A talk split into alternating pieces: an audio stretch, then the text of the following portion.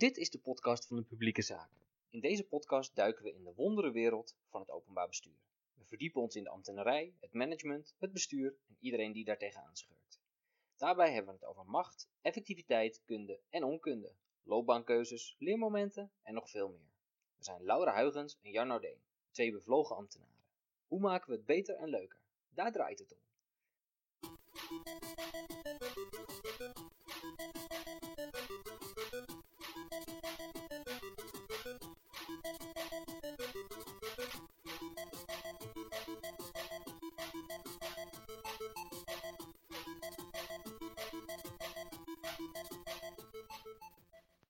Vandaag spreken we met Bart de Jong. Bart is bestuursadviseur bij de gemeente Utrecht. We hebben het met Bart natuurlijk over de gemeenteraadsverkiezingen en of hij al een nieuwe wethouder heeft. Ook bespreken we met hem hoe het is om te werken in de stad waar je woont, want dat maakt uit.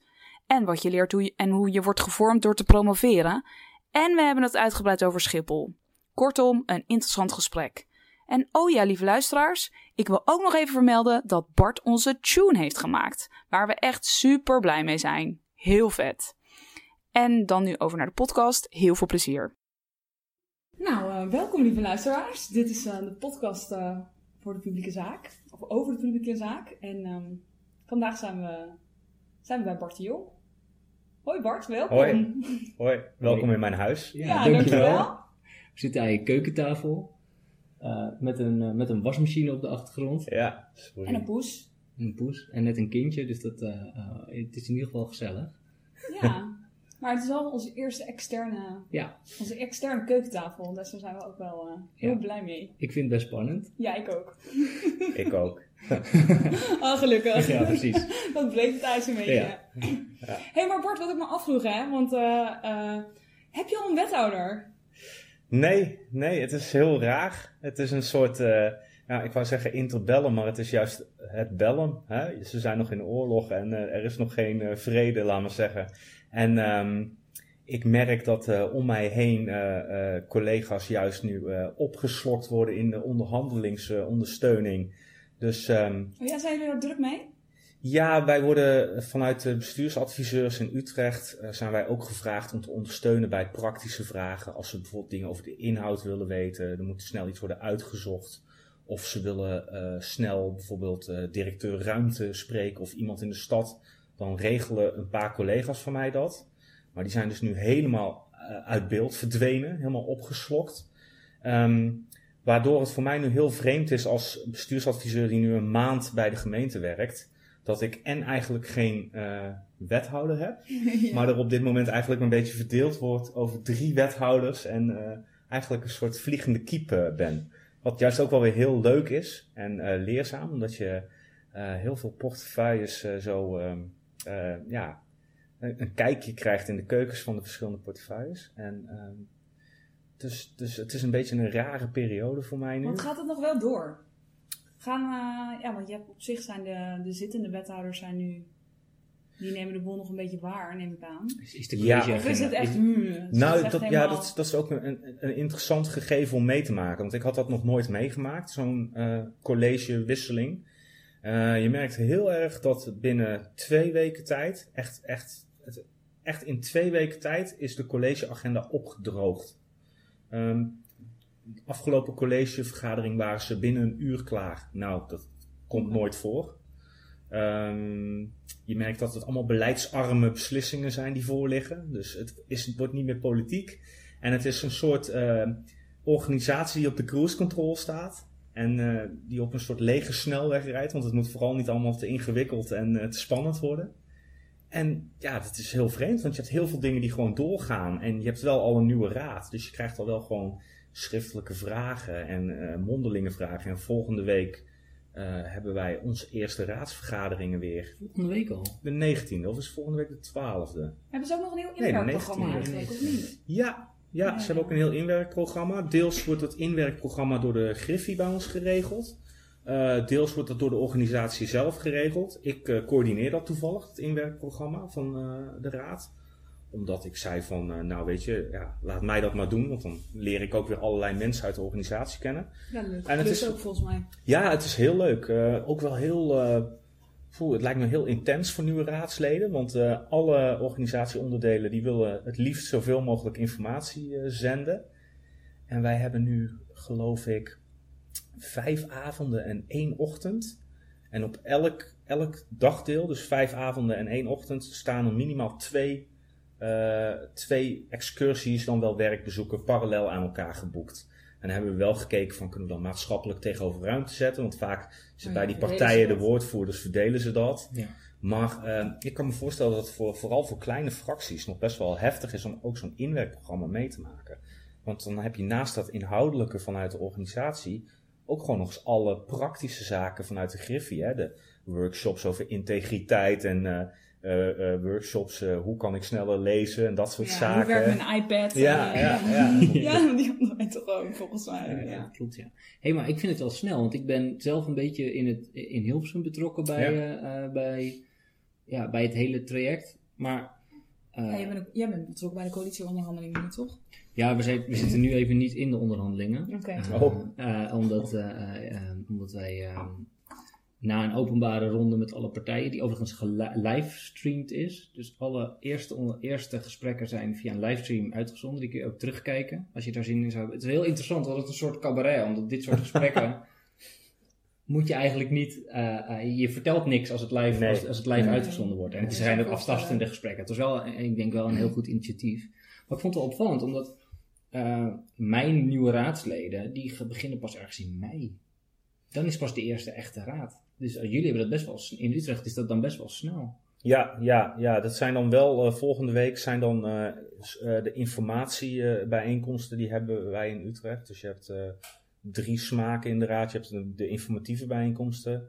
Eh, ehm, eh, je hebt de commissies, waar eigenlijk het meeste debat plaatsvindt. En dan heb je de raad zelf. Ja. En Oh ja. eh, volgende week zijn wel de informatieavonden over bepaalde onderdelen, moet ik wel zeggen. Maar het, het begint wel te komen. Ja, het is ook Nou, wel, eh, we, we duiken er meteen in. Ja, het is wel ja. leuk, het is interessant. wat, ik wel, wat, ik wel, wat ik zelf wel, want vanuit de, wat je vanuit de politiek vaak wel hoort, is ja, moet je eigenlijk wel bij zoiets als een coalitieonderhandeling, dan moet je ambtenaren wel betrekken.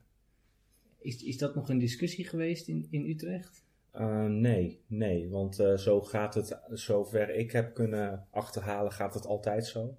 Er wordt altijd uh, een paar mensen die, die, laten we zeggen, dicht bij het bestuur zitten. Ik zit bij bestuurs, bestuur en concernzaken en um, BCS. Nu ben ik de S vergeten, ik werk er ook nog niet zo lang. Nee. Oh, wat erg. Uh, hoe heet Die knippen we de later. Ja, ja, precies. ja. nee, maar van, vanuit ons cluster worden er altijd mensen gevraagd om aan te schuiven, maar die worden echt gebruikt puur ter ondersteuning. Ja, ja en om te schrijven ook en zo. Ja, ja. ja. Hebben jullie ook een uh, formateur? Ja, André van S, oud-wethouder Amsterdam. GroenLinks. Okay. Want uh, in Utrecht is GroenLinks de grootste en zij mochten dus. zij mogen formeren. Ja. ja. ja. En ben wel benieuwd wie, want wat, wat, voor soort ambtenaren zitten er dan bij die, bij die onderhandelingen? Of bij die coalitie? In eerste instantie zit er iemand van bestuurlijke zaken. Dat is, laat maar zeggen, heel zwart-wit onze lobbyclub. Ja. Er zit iemand vanuit de communicatieadviseurs. En nu zijn later twee bestuursadviseurs ingevlogen. En een van die bestuursadviseurs zit er echt bij om direct te ondersteunen. En de ander is meer op de tweede op de tweede rij uh, bedoeld om als er uh, informatie nodig is om dat snel te regelen achter de schermen en het uh, ja. terug te koppelen. Ja. Okay. Dus vier, vier, vier collega's. Ah, leuk. Het ja, ik kan me heel goed voorstellen dat je in een soort vacuüm zit. Ja, ja enorm. Die wethouders hebben ook allemaal een. Of nou ja, om even de context te schetsen. Wij hebben op dit moment in Utrecht een demissionair college van twee GroenLinks-wethouders twee D66-wethouders, een SP'er en een VVD'er. En um, GroenLinks en D66 hebben gezegd, als twee grootste partijen, dat ze nu samen met de ChristenUnie willen gaan formeren. Dus zij zitten nu met elkaar aan tafel. Um, en je merkt dus dat, uh, uh, hoe heet het? Dat Klinkt als een bijzondere combinatie. Ja, nou ja, maar... de ChristenUnie is eigenlijk best wel links en progressief ja, dat op wat is zo. religieuze thema's na, laten we zeggen. Ja, maar het is natuurlijk ook afhankelijk van de poppetjes, als het uh, ja. goed maar dat ja. soort dingen spelen over het algemeen ja. gemeentelijk wat minder. Ja, hooguit nee, een koopzondag. Precies. Nou, je hebt in Utrecht ook nog wel het nieuwe zandpad. Laten we zeggen, de, de, de, de, de prostitutiezone is nog wel een ding. Ja, ja, ja. ja. Maar eh, daar komen ze vast ook wel uit. Is Daar mijn- woonde ik vroeger tegenover trouwens. Ja. Dus vlakbij hier. Echt waar? Ja, dat is mijn, ook mijn oude wijk. Maar goed, sorry, dat was even een zijpaadje. Eh, hoe heet het? Maar, maar eh, je merkt dus dat eh, de twee GroenLinks-wethouders hebben al aangegeven dat ze eh, bereid zijn om eh, weer wethouder te worden. Dus dat gaat gewoon gebeuren, ga ik vanuit. En bij D66 had er één wethouder al aangekondigd ermee te stoppen. En de ander heeft ook aangegeven door te willen gaan. En je merkt dat die wethouders dus gewoon eh, van de een op de andere dag nu hun hele agenda's hebben leeggeveegd. Eh, op Ja, een paar de- dagdelen na. En ze zijn gewoon aan het formeren. Dus het is heel raar. Het is heel rustig opeens. En, eh, Maar is zo'n collegevergadering ook niet gek? Omdat daar zit dus iemand van de, eh, zit een, eh, iemand van de VVD en van de SP. En Ja. die, zitten, die zitten daar nog aan tafel, terwijl die andere mensen wel aan het onderhandelen zijn. Ja, ja, nou ja, de collegevergadering gaat natuurlijk gewoon wel door hè, met alle, alle wethouders. Maar wat ik wel heel knap vind van, eh, van beide bestuurders, zowel eh, de SP-wethouder als de VVD-wethouder, is dat zij wel uitermate gewoon, ja, je moet ook wel natuurlijk, maar ze, ze lopen de kantjes er niet vanaf, laten we zeggen. Ze gaan echt fanatiek door tot het eind. Nou goed. Ehm, ik, ik, vind het ook, ik vind het allebei hele prettige bestuurders ook. Eh, echt wel met hart ook voor de stad. En ik vind het heel knap dat je toch nog zo door wil gaan, ondanks, eh, nou ja, vooral eh, de, SP, die is hier eh, gehalveerd. Ja. Nou, dat is best wel pijnlijk, weet je wel, want je hebt ze hier gewoon vier jaar ook als coalitiepartner ingezet voor deze stad. En best wel goede stappen gezet, ook vind ik nog met, eh, ehm, zonder, zonder, laten we zeggen, de, de SP-perspectieven uit het oog te verliezen. En ik wil wel even zeggen dat ik geen lid ben van de SP of zo. Voordat het zo nee, maar je lijkt. kan- nee, maar je kunt wel zeggen van, goh, ze hebben wel echt dingen, dingen bereikt. ja, ik vind dat echt heel knap. En ik zou er nu denk ik echt, eh, ik zou er geen zin meer in hebben. Ik zou denken van, eh, ja, god, moet ik nou nog naar die, eh, naar die, die drie sportactiviteiten in het weekend laten zitten? Ik ga Ja. nog thuis, eh, ik ga zelf een stukje fietsen. Ja, heb, ja, of heb ik een keer tijd voor mijn, Ja, mijn kinderen of mijn ja, kleinkinderen ja. of zo. Ja. Nou, het, is, het is natuurlijk ook wel een, een type mens wat, wat wethouder wil worden. Dat heeft misschien, eh, tenminste, ik heb zelf in de, eh, eh, in de sollicitatieprocedure voor de wethouders in, in Hilversum gezeten. En de mensen, en ik ken ook natuurlijk de huidige wethouders daar en, en vanuit mijn werk elders. En het zijn toch eigenlijk altijd wel echt gedreven mensen met, met, met, hart, voor de, met hart voor de zaak. Die echt, echt, ja, die werken ook voor de publieke zaak. Ze werken natuurlijk ook voor zichzelf. Er is ook altijd ook, Ja, je, wil ook, op- je wil ook op een podium Ja. staan. En dat Ja. hoort er ook gewoon bij. Maar het is inderdaad wel ook... eh, ze laten het ook niet zo makkelijk los. Pas als het echt moet, dan... eh, Ja, ja dat, dat blijkt ook wel, zoals ik dat nu zo zie, ja. Het is heel interessant om eh, mee te maken. Heel leuk, maar je bent nu een maand net Ja. in Utrecht. Daarvoor eh, heb je in de Haarlemmeer gewerkt, weet ik toevallig. Ja. Maar zou je iets meer over jezelf kunnen vertellen? Over hoe je, hoe je terecht bent gekomen eh, eh, binnen de publieke zaak en, eh, Ja. en wat je een beetje gedaan hebt? ja, wie je bent. Ik ben eh, Bart de Jong, ik ben 37 jaar oud. Ik woon eh, eh, dit jaar 18 jaar in Utrecht, maar ik heb daarvoor 18 jaar in West-Brabant gewoond. In een klein katholiek dorp genaamd Oudenbos. Hij is net als Alexander Klupping, want altijd als hij zeg maar, weet je al, iets gaat nadoen, dan gaat hij over op uh, Oh, ja. Brabants. Oh, sorry, dat heb ik niet eens door. Ik dacht dat het alleen naar wat bier eh, was. Maar... Nee, vandaag niet hoor, dus Ja. eh, geen zorgen, Ja, maar ja. dat is grappig. En ik heb 18 jaar in Oudenbos gewoond. En eh, dat blijft dan toch altijd aan je kleven. Terwijl ik, eh, nou ja, erachter kwam dat ik dus dit jaar eigenlijk langer in Utrecht woon dan ik ooit in Brabant heb gewoond. Met een kleine tussenstap wel. Ik heb ook nog een jaartje in Bangkok gewoond en gewerkt. Maar op mijn 18e ben ik planologie gaan studeren aan de universiteit. Ehm, daarna. Ik Waarom ben je dat gaan studeren? ja, dat, dat- ik vroeg me dat laatst af. Waarom ben ik dat gaan studeren? En ik, ik, ik dacht echt, eh, dat was een soort, eh, misschien een naïef, naïviteit van mij. Ik dacht dat als ik planologie ga studeren, dat ik echt de wereld kan maken. Hè? Dat je echt een soort van, nou, weet je, SimCity gevoel hebt. Dat je echt de stad kan maken zoals jij hem wil maken. Nou, tijdens de studie kwam ik er al snel achter dat het eigenlijk dodelijk saai was. Hè? Met vooral ruimtelijk, ruimtelijk recht en zo. En och, dat ik dacht van, man, waar ben ik aan begonnen? Ehm, Maar dat Sin City zit er natuurlijk ook wel in. Volgens mij is dat wel ook een terugkerend iets, zeker bij planologen. Die vroeger altijd zeggen, zeiden van, eh, ja, weet je, ja. mijn man is ook eh, planoloog en die zegt ook altijd, ja, van vroeger Sim City heel leuk. Precies. Dus, precies. Maar ik kwam wel een beetje van de koude kermis thuis na mijn eerste paar jaar planologie. En ik heb eigenlijk pas de liefde voor de, voor de productie van de ruimte pas gevonden op het moment dat ik ging afstuderen. Ik ben toen naar Bangkok gegaan. Daar heb ik mijn scriptie geschreven over hoe de informele en formele instituties in de Thaise hoofdstad, laten we zeggen, die ruimte daar creëren. En ik had ook wel een hele bevlogen prof, uh, moet ik zeggen. En daardoor werd ik wel juist, dan, dan, ik ging toen anders kijken naar hoe je, hoe je ruimte maakt en hoe de mensen de ruimte maken en wat er allemaal nog onderstromen zijn in zo'n stad. En toen werd ik juist, toen werd ik eigenlijk pas heel enthousiast uh, over, voor uh, ruimtelijke ordening en stedenbouw. Wat grappig, want een, ik, ik heb zelf bestuurskunde gestudeerd. En dat, dat zijn eigenlijk, uh, dat zou ik ook echt als een soort bestuurskundige processen zien, die uiteindelijk ja. leiden tot, ja. Ja, tot iets wat in de, in de ruimte plaatsvindt. Zeg maar. ja. ja, ik kwam er dus eigenlijk achter dat ik veel meer ge, geïnteresseerd ben in de bestuurskundige kant van hoe de ruimte wordt gemaakt dan hoe de ruimte wordt gemaakt. Ja. Wat voor juridische instrumenten je daarvoor gebruikt en wat voor toetsen je moet doen en wat voor vergunningen je nodig hebt en zo. Dat, dat vind ik allemaal niet zo boeiend. Nee, dat herken ik wel. Maar vooral die botsende belangen en wat komt er dan uit en hoe vind je nou uh, iets waar je, waar je toch uh, en ook meerdere partijen blij mee, blij mee kunt maken. Ja, en, en hoe, hoe mensen toch altijd weer flexibel om proberen te gaan met allerlei uh, regels die er zijn en hoe dat dan weer andere spannende soorten ruimte maakt. En ik vind het ook altijd heel leuk om in buitenlandse steden gewoon altijd te kijken hoe het er daar dan uitziet. En ik ben ook wel zo'n vakidioot die dan bijvoorbeeld zo'n metrokaart ziet en dan denkt van... hé, hey, in die hoek loopt die metrokaart heel raar. Wat zou daar zijn? Laten we er naartoe gaan om te gaan kijken. Oh ja. Weet je, dat zit er dan toch een beetje in. Dat, ja, je neemt beroepsdeformatie. Het toch, je, je, neemt het toch, je neemt het toch mee, zeg ja, maar. Ja, wat leuk. Wat heb je daarna gedaan? Ja, daarna heb ik, uh, ben ik een half jaar nog in Bangkok blijven wonen en heb ik andere studenten begeleid uit Nederland. Cool. Uh, ja, dat was echt heel leuk. Dus vanuit, vanuit, vanuit de Universiteit Utrecht, ja.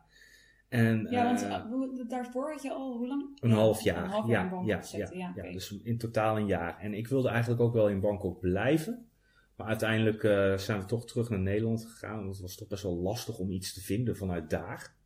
Uh, want je wil natuurlijk gewoon ook leuk kunnen leven. Ja. Je ja, zo egoïstisch ben ik dan ook weer wel. Je wilde een leuke baan. Ook, ja, ja, ja, ja. En uh, dat viel toch dan best wel tegen als starten. En, um, je zegt we. Ben je daar niet die eentje naartoe gegaan? Nee, nee. Ik was daar toen met mijn vrouw. Ja. Of vriendin toen. Ja. ja.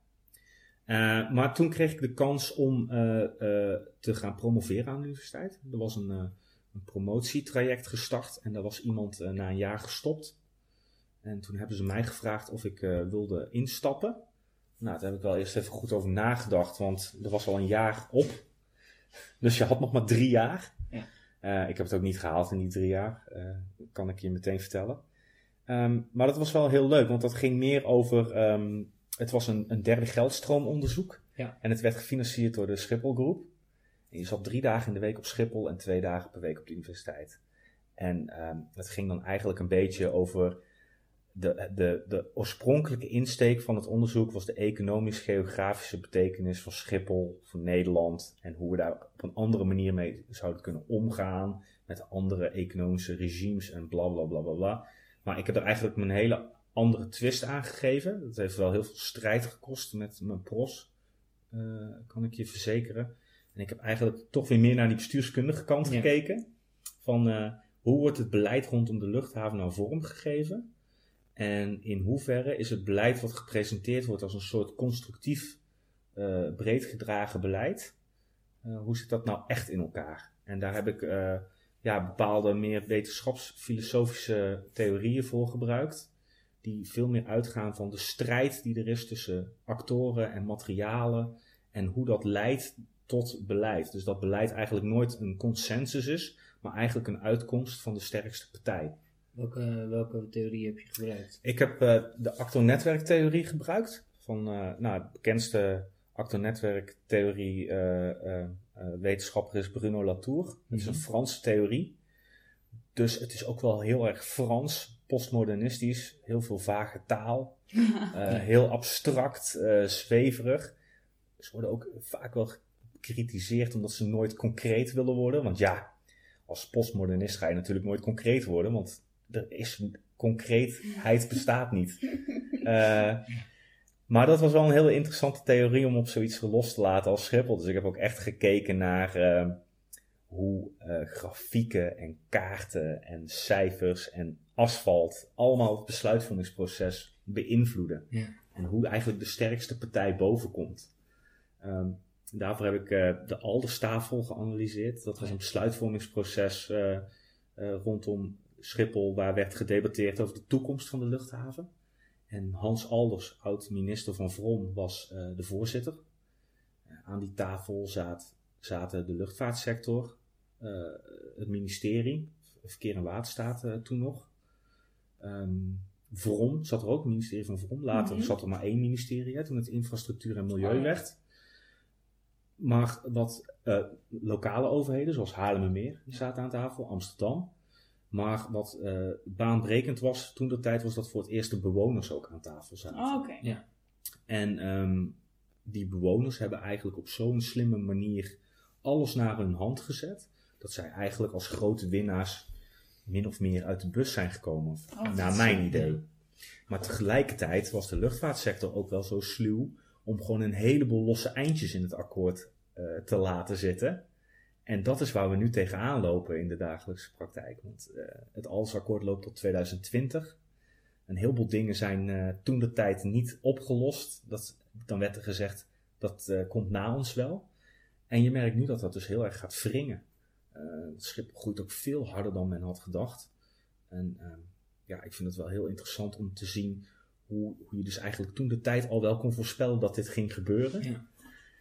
En dat mensen daar zoiets hadden van, weet je, Maar we had je, kunnen nu had weer je even dat toen door. ook al? Dat je, dat je, dat je kon zien, zeg maar, dat er losse eind... Mo- Mocht je erbij zijn? Ja, ik, heb, uh, ik mocht overal bij zijn. Ik, heb, uh, ook, ik kon ook bij alle stukken. Dat was ook uh, interessant, omdat ik... Nou, na drie jaar liep mijn contract af. Ik was niet klaar met mijn proefschrift. Uh, maar de gemeente Haarlemmermeer had mij gevraagd of ik bij hen wilde komen werken als strategisch adviseur luchthavenzaken.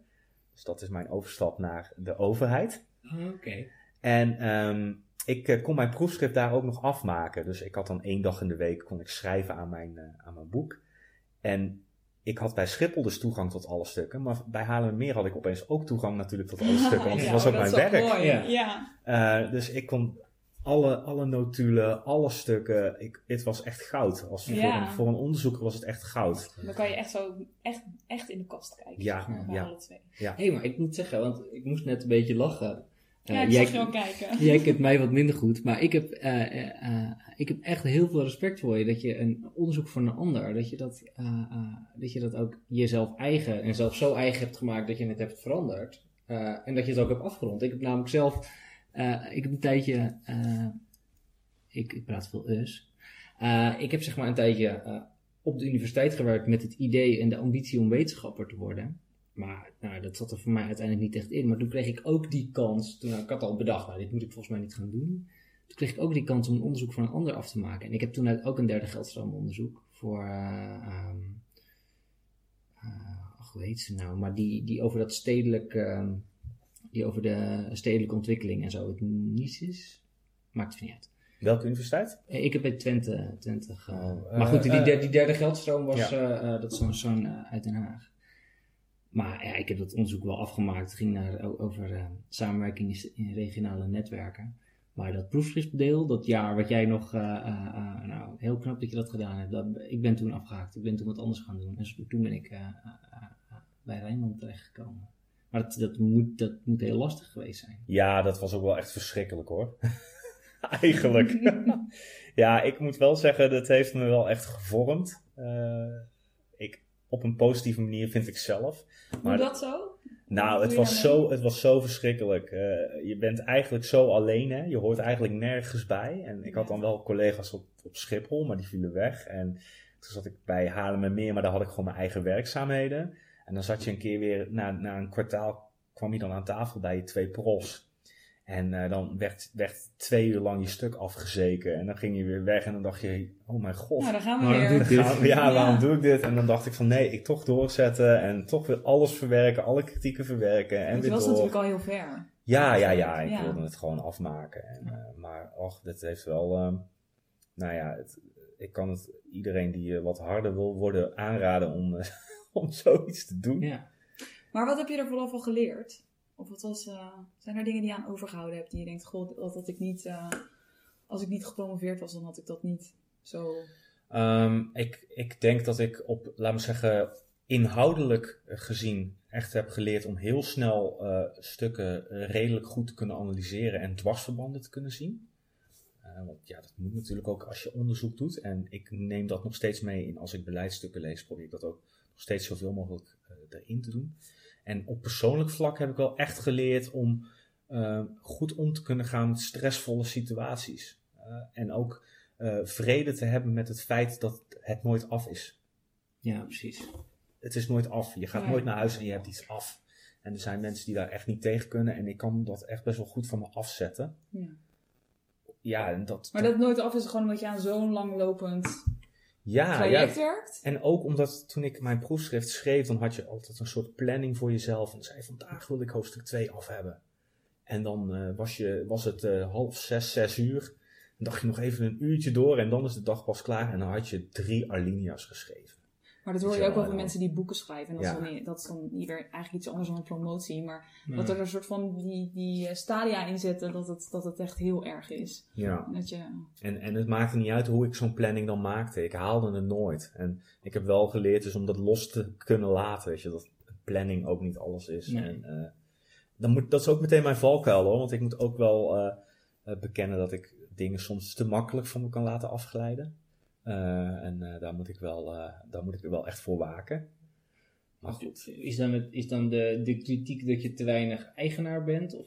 Ja, precies. Ja, ja, ja, ja. Ik kan, en dat, dat is ook als je bestuursadviseur bent, is dat ook wel echt goud waard. Dat je je niet meteen altijd eigenaar voelt. Maar je moet, je moet wel op het juiste moment weten wanneer je wel even je eigenaar moet voelen. Ja. ja. En, en, soms, ja, ik merk soms dat nou, dat is gewoon een, een kritiekpuntje naar mezelf toe, dat dat, dat dat punt misschien soms net te laat komt. En kun je daar, kun je, want, kun je daar een voorbeeld, los van dat het niet per se echt over de inhoud hoeft te gaan, maar kun je daar een voorbeeld van geven van hoe je daar dan bewust mee om probeert te gaan?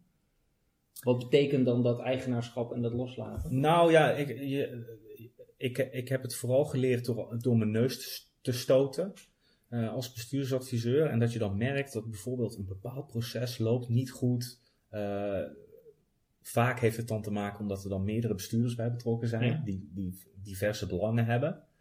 Uh, vaak is ook de wethouder financiën er dan bij betrokken. Die heeft altijd een ander belang. Die kijkt altijd mee. Ja, ja. En um, dat je dan merkt dat, een, dat iets niet goed loopt. En dat je dan denkt van, uh, nou laat maar even, want er zijn vijf mensen mee bezig. En die mensen die zijn allemaal uh, hoog opgeleid en inhoudelijk bekwaam en yadi yadi. En dat je dan eigenlijk, dat het dan toch zo misloopt, omdat vaak die mensen eh, vaak vanuit een soort, ook een soort tunnelvisie erin zitten. En dan weer niet goed met elkaar schakelen. Dat je dan wel eens denkt van, had ik nou maar twee weken geleden even goed meegelezen. Ja, maar toen zag je het eigenlijk al aankomen. maar toen dacht je, nou weet je, wijs genoeg. Maar dat herken Precies. Ik, maar, dat, maar dat herken ik wel. Want dan kom, je, dan kom ik wel, weet je, als een spelen, uh, ik ben zeg maar asset manager. Uh, waarbij je dan na probeert te denken over enerzijds wat zijn de juiste investeringen, wat moeten we eerst doen, wat moeten we daarna doen, maar ook hoe kunnen we de organisatie een beetje beter maken. Dat vind ik ook eigenlijk wel misschien wel leuker dan dat andere deel. Uh, maar er loopt, er loopt zoveel binnen een organisatie en soms denk je van, uh, als, ja, je, je, ziet dat het een beetje schuurt, maar je hebt eigenlijk de hoop of het idee dat, dat ze er wel uitkomen. Of dat het uiteindelijk, en dat gebeurt dan toch ook vaak niet. Nee. Nee. Nee, dus dat, dat herken ik wel. Je kunt ook niet overal van, van, van willen zijn, maar soms heeft het wel iets van een duwtje nodig. En uiteindelijk komt het stuk natuurlijk ook bij jou op tafel. Ja, precies. Ja, ja, ja. En ja, het heeft soms ook wel mee te maken dat het ook soms gewoon tegenvalt hoe, hoe, hoeveel andere mensen zich eigenaar voelen van iets. Dat je denkt, jongens, pak even door, doe even proactief dit. En dat het dan dat dat niet gebeurt. Dat valt me ook heel vaak tegen. Ja, ja of, of ik, of dat je als bestuursadviseur. Uh, uh, de eerste bent die het stuk leest uh, na de steller, weet je wel. Dat alle, alle oh, lagen daar uh, tussen zoiets hebben gehad van de andere laag leest het wel. Dat hoor je ook heel vaak dat dat gebeurt. Ja. Dus dan voelt niemand zich in principe eigenaar of denkt iedereen van iemand anders leest het wel. En dan uiteindelijk leest niemand het. Ja, dan komt het op jouw bord. En dan, ja, is zeg maar het belangrijkste product van jouw werk dan ook eigenlijk de stukken? Moet ik het zo zien? Omdat dat uiteindelijk richting de bestuurder gaat? Of gaat het meer soms ook over de gesprekken, om het zo maar even te zeggen? Ja, als je de, ik vind de belangrijkste output van mijn werk is natuurlijk dat een, dat een wethouder gewoon goed in zijn vel zit en goed zijn werk kan doen. Of haar werk. Ehm, eh, Deugdelijke besluitvorming. ja, ja, en daar zijn stukken natuurlijk heel belangrijk. Maar dan gaat het niet per se om de stukken. Het, ik denk dat het meeste werk voorafgaand. Nou, dat is ook niet helemaal waar. Want vaak als ik erbij betrokken word, dan liggen er al wel stukken. Dus ik, ik stuur wel vooral veel op stukken en in stukken. ehm, maar dat is dan, dan niet, de, niet de belangrijkste output van mijn werk of het Nee. belangrijkste product. Maar het, het is wel een heel belangrijk doel. Ja. Of eh, middel bedoel ik, sorry. Ja. Een heel belangrijk middel. Maar ja, je maakt de stukken die in die zin ook niet zelf, maar je probeert ze wel zo danig te krijgen dat, ze, eh, eh, dat er tot een, nou ja, wat je net zei, tot een goede besluitvorming Ja. gekomen. Ja, ja, en je probeert ook wel integraal te kijken, want je ziet vaak, eh, zeker als je een beetje een bre- brede portefeuille hebt, eh, je ziet gewoon veel meer stukken dan, eh, dan menig collega in een organisatie ziet. Ja, dus je hebt snel overzicht. Dat Ja. herken ik wel. Ik lees Ja. ook met heel veel stukken mee. En dat geeft heel veel informatie.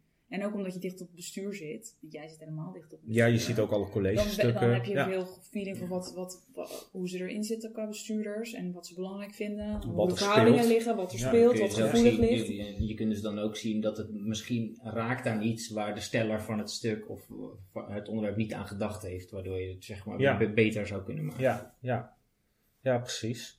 Of, of gemiste kansen zie je ook wel eens. Ik, eh, ja, ik denk wel dat ik dat voorbeeld kan noemen. Ehm, wij hebben net de Volksgezondheidsmonitor gepresenteerd in Utrecht. De, of al in februari. De Volksgezondheidsmonitor 2018.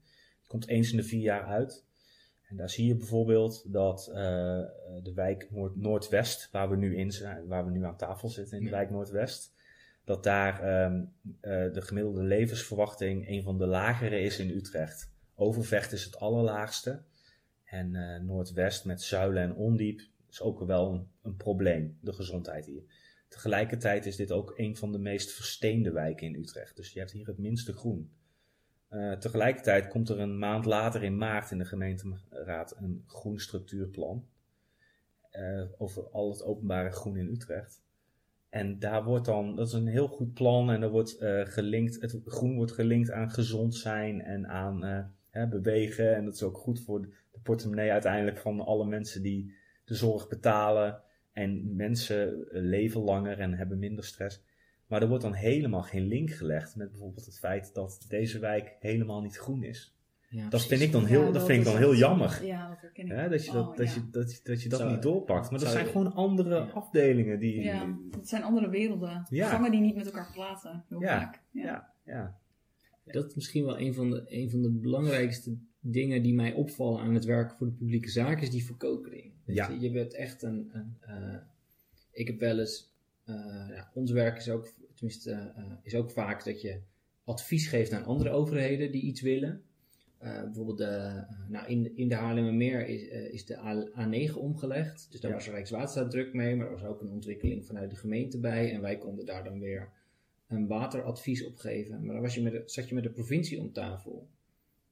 Eh, en dan was je eigenlijk een soort linking pin tussen de afdeling wegen en de afdeling groen. Want die praten eigenlijk, ja. ja ze praten wel met elkaar waarschijnlijk, maar je hebt, ze hebben soms zeg maar iets anders nodig, een overleg met een waterschap, om eigenlijk ook wat dichter tot elkaar te komen. Dat vind ik altijd toch wel wonderlijk hoe die werelden zo gescheiden kunnen Ja, blijven. maar dat, ja, maar dat is uiteindelijk in iedere organisatie, want dat is bij ons ook zo. Het zijn ook wel. Nou, wij werken dan nog aan één ding. Maar ik kan me voorstellen dat het. Bij ons is het hier en daar zijn het al gescheiden, gescheiden werelden tussen verschillende Ja. afdelingen. Terwijl je natuurlijk eh, bij een gemeente heb je ook nog echt verschillende beleidsvelden. Ja. Bij ons gaat het dan nog allemaal over water en duiken, zeg maar even gechangeerd gezegd. Maar ik denk dat dit bij, ik, ik weet het niet, ik heb nog nooit in het bedrijfsleven gewerkt, maar ik kan me zo voorstellen dat dit bij iedere grote organisatie tot op zekere hoogte wel is. Ja, ik weet, bij Schiphol was het bijvoorbeeld zo dat, eh, dat, dat de operatie, dus laten we zeggen, de jongens en meisjes die ervoor zorgden dat die vliegtuigen ook echt vlogen. En, eh, en, en dat je koffer in het vliegtuig kwam en zo. Die snapten niet wat wij aan, aan, de, aan de meer strategische kant aan het doen waren met het praten met omwonenden. Weet je. wel. We, moeten gewoon zorgen dat die luchthaven draaiend blijft. En wat, wat maakt nou die omgeving uit? Ja. Dat, dat is ook al twee hele verschillende Ja. werelden. Ja. Eh, en ja, ik, ik heb nu bij twee gemeentes gewerkt en het is bij allebei, zie je dat, dat zijn wel echt dingen die gewoon opvallen. Dat, ja, blijkbaar is dat gewoon ook menselijk. Ja. Hey, even terug naar je loopbaan. Want jij bent van, nee, van je promotie ben je voor de Haarlemmermeer gaan werken.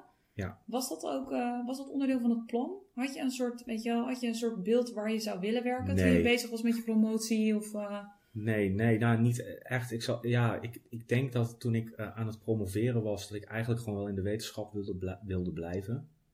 Want het is natuurlijk ook gewoon wel een hele interessante en comfortabele wereld. Hè? Je, je publiceert en je praat met gelijkgezinden. En, eh, leuke Ik vond het ook wel, ik tripjes? vond het ook tripjes. Ja, ik vond het ook leuk wel iets- belangrijk. Ik vond het ook wel iets romantisch hebben. ja, ja, precies. Ja.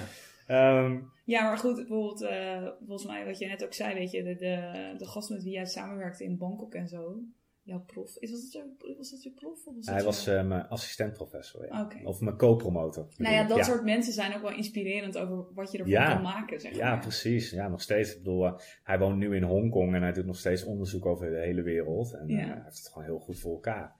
En hij doet ook nog superleuk onderzoek ook. maar nee, ik had, ik, ik had niet echt een plan. En eigenlijk, ik moet zeggen, ik zat bij Schiphol, had ik net de pech dat er een nieuwe president-directeur kwam. En eh, die werd echt gehaald om, eh, nou, dat was ook wel echt midden in de crisis. Die werd gehaald om eigenlijk de boel weer op orde te krijgen op Schiphol. Dus die heeft er eerst een hele reorganisatie doorheen gemikt. Ja, en de eerste die aan de beurt waren, waren alle tijdelijke contracten en alle inhuurmensen. Dus ik kreeg geen contract. Want ik had eigenlijk ook wel graag gewoon op Schiphol willen blijven. Ja, ja. En toen dacht ik van ja, wat nu? Nou, toen ben ik eerst gewoon maar dacht ik van ik ga wel een maand op vakantie. En eigenlijk werd ik al voordat ik op vakantie ging eh, gebeld door Haarlemmermeer of ik niet bij hen wilde komen werken. Want eh, zij hadden wel eh, een plek voor mij op luchthavenzaken. En ehm, nou ja, dat ben ik toen gaan doen. Ook gewoon omdat ik best wel veel contact had met die mensen al natuurlijk. En dat gewoon altijd heel prettige mensen ook vond. En Haarlemmermeer is ook gewoon wel echt een leuke gemeente om, om te werken. Want het is heel dynamisch en er kan altijd wel veel. Weinig problemen in, die, in, in dat opzicht. Ja, het is wel een ondernemende club volgens mij. In ieder geval weet je wel dat ze Ja. wel uh, Veel bravoure ook wel. Ja, bravoure, een beetje dat een beetje Am- Amsterdamse. Weet je dat Amsterdamse zonder Ja, dat ze van Amsterdam zijn? Ja. En eh, eh, dus dat was niet een uitgestippeld plan of zo. Want het was gewoon van ja, ik, ik, ik werd anders werkeloos en dit kwam op mijn pad. En ik dacht dat voelt wel goed, laat ik dit gaan doen. Ja, het is nog wel een, een Ja. link natuurlijk met luchtvaart. Als je toch daar graag iets mee wil, dacht je, nou dan blijf je natuurlijk sowieso in contact met Schiphol. Dat ook. Ik, en ik moet zeggen, die, die eh, drie jaar dat ik dat heb gedaan, eh, strategisch adviseur luchthavenzaak, toen ben ik ook wel hardcore echt de diepte ingegaan qua, eh, qua Schiphol. Ja. Ik wist echt op een gegeven moment eh, zoveel over die luchthaven. En het is grappig hoe, hoe dat dan allemaal weer wegzakt. Want ik, nu, maar ik kon gewoon echt vertellen hoeveel vliegtuigen een bepaalde uitvliegroute op welk uur van de dag hadden. Weet je wel? Zo, ja. zo Oh, erg zoals was mijn het. zusje die is eh, in, eh in Amstelveen woont. Het is speciaal voor Jude. in Amstelveen woont. en waar die, eh, waar die, die polderbaan, die komt altijd bij hen langs. Man, wat een herrie. Maar ik vind dat zo... Ik wist nooit hoeveel herrie het was, maar het is echt veel Het herrie. is buiten Velderbaan, toch? Ja, oh, buiten Velderbaan. Ja. Ja, ja, tuurlijk. Maar ja, ik, weet ik, niet. Ik woon zeg maar in Hilversum en daar valt het me eigenlijk al op hoe, dat ik, ik voor mijn gevoel hoor ik meer vliegtuigen de laatste Ja, dat, dat klopt ook. Het is gewoon drukker en er zijn bepaalde aanvliegroutes net wat aangepast. Eh, vorig jaar was toevallig ook wel heel groot onderhoud op de Kaagbaan, waardoor er ook allerlei routes waren. Misschien eh, is je dat ook opgevallen, want ehm, ze vlogen bijvoorbeeld opeens bij ons hier vlak over. Dat deden ze nooit, maar ze hadden gewoon andere ja, Ja, tijdelijke andere routes. Ja, precies. Ja, ja. Ja, ik vond het prachtig mooi. Wel. stond ik hier in mijn achtertuin s'morgens en dan kon ik precies zien welke het waren. Ja. Maar goed, dat is toch een beetje... Je hebt nog wel een beetje een sparkle volgens mij voor die tijd. Ja, heel erg. Ik vind het Schiphol is natuurlijk gewoon geweldig. En eh, het is gewoon enorm knap hoe, hoe zo'n eh, hoe zo'n monster eigenlijk draaiend blijft. En, en, en wat voor impact het ook heeft. Want mijn, mijn vroegere baas bij Schiphol zei ook altijd van... eh, stel je voor dat we niet al die beperkingen hadden waar de gemeentes mochten bouwen. Dan was eh, de Amsterdam-regio gewoon net zoals de Rijnmond-regio geworden. Gewoon één vaste stedelijke omgeving. En nu heb je dus in Haarlemmermeer vooral, maar ook naar, richting het noorden, nog best wel veel groen op een steenworp afstand van best wel hoogstedelijke omgevingen. En dat komt gewoon door Schiphol. En ehm, ja, dit is wel echt een Schiphol-praatje, besef ik me nu. dat ik het enorm romantiseer. Maar het is natuurlijk wel, het is wel bijzonder. Want het, is, het is heel gek dat Haarlemmermeer eh meer dan 20 kernen heeft. Ja. Ik bedoel, als Schiphol er niet lag, dan had je geen Nieuw-Vennep en Hoofddorp en Badhoevedorp gehad. Dan was dat gewoon één grote soort Amsterdam geworden, eh, ja. geworden. Ja, Ja, ja. ja, Greater In groot, in groot buitenveldert. ja, ja. Nou, precies, Buitenveld is daar eigenlijk een goed voorbeeld van. Ja. Dat is gewoon helemaal aan elkaar eh, gegroeid. Ja. Dus, eh, maar ik moet wel zeggen dat toen ik, om terug te komen op mijn eh, carrière, Ja. ik kwam bij Haarlemmermeer en eh, nou, vanuit luchthavenzaken heb je dan ook wel veel contact met de bestuurder, zeker in die tijd, omdat er toen echt wel heel veel druk op zat, vanuit die alles-tafel. Welke bestuurder was dat toen? Eh, Arthur van Dijk, VVD-wethouder. Hij is nu voorzitter van Transport Logistiek Nederland. Ja. Enorme fijne man om voor te werken. Supergoed ook. Ehm, ja, eigenlijk hoefde hij hem nooit te adviseren, had ik het idee. Hij vroeg alleen maar om advies om te checken of hij het gelijk had. Weet je, of, die, of het goed was wat hij zelf dacht. Maar dat was echt een enorm fijne man om eh, mee te werken en eh, samen mee te sparren. Liet ook heel veel ruimte wel eh, voor je. Ehm, maar goed, toen dacht ik wel van, hé, hey, ik zou best wel bestuursadviseur willen worden. Want het lijkt me echt super gaaf om zo dicht tegen het bestuur aan te sturen. Ja. En gewoon ook meer achter de schermen van al die besluitvormingsprocessen nog te zitten. Ja, want was dat wat je interessant lijkt of, of leek? Wat, was het dan, zeg maar, dat je... Ja, het Want je hebt toen de overstap gemaakt naar- bestuursadviseur. Ja. Daar. ja ik heb, er, was, er kwam een interne vacature eh, binnen Haarlemmermeer. En daar heb ik op gesolliciteerd. En toen ben ik, het ook, ben ik aangenomen als bestuursadviseur. Dat was bij de laatste collegewisseling. Ehm, en toen ben ik gaan werken voor eh, John Nedersticht, D66-wethouder, met de water in zijn portefeuille. Eh, onderwijs, onderwijshuisvesting, duurzaamheid, jeugdzorg, agrarische ontwikkelingen. Dus een hele andere tak van sport, want ik kwam toch wel meer uit die, van, vanuit, vanuit planologie, meer bestuurskunde. Nou, luchthavenzaken was toch weer een mix van ruimtelijke ordening en bestuurskunde. En nu kwam ik opeens aan de sociale kant eh, van het spectrum. Alles Had je daar in het begin nog twijfels over? Of aarzelingen? Of dat je dacht, oh, dat vind ik jammer? Nee, nee, want ik vond het, het- want ik ging meer af op de persoon eh, dan op de portefeuille. En het Ja. leek mij gewoon heel leuk om voor, eh, voor wethouder Nedersticht eh, te werken. En nou, dat bleek ook wel. Het is ook wel, was ook wel heel pittig hoor. Veel eisende man. Niet snel tevreden. Af en toe ongrijpbaar. Maar wel iemand met enorme drive en, en een visie. En hij ging ergens voor. En daar kon je ook wel heel veel energie van krijgen. Vooral zijn duurzaamheidsportefeuille, hè, dat was echt zijn, zijn paradepaardje. Daar heeft hij ook echt wel wat neergezet. Ja, ja. Dat, eh, tenminste, dat, eh, eh, dat vind ik niet alleen omdat ik van D66 ben. Maar dat hoor je in landen ook wel. Dat, dat, ja, dat hij daar in de Huilenmeer wel iets bijzonders heeft neergezet. Het is ook wel tof om daar aan mee te werken. ja, dat was echt superleuk. En zeker ook heel knap van hem in, in zo'n, weet je, toch in zo'n neoliberale gemeente als Haarlemmermeer. Een enorme rechtse gemeente. Ik, zei, ik zeg nu wel eens tegen mijn collega's in Utrecht, Ja, want wat is daar nu de verkiezingsuitslag? eh, ze hebben geen verkiezingen. Oh want nee, ze wat, oh, nee, dat is uitgesteld natuurlijk, Ja. omdat ze gaan fuseren. Ja, maar ik zeg nu tegen mijn collega's wel eens voor de grap, maar ik meen het eigenlijk wel dat eh, de VVD-wethouder in Utrecht hier is linkser dan eh, de D66-wethouder in Haarlemmermeer.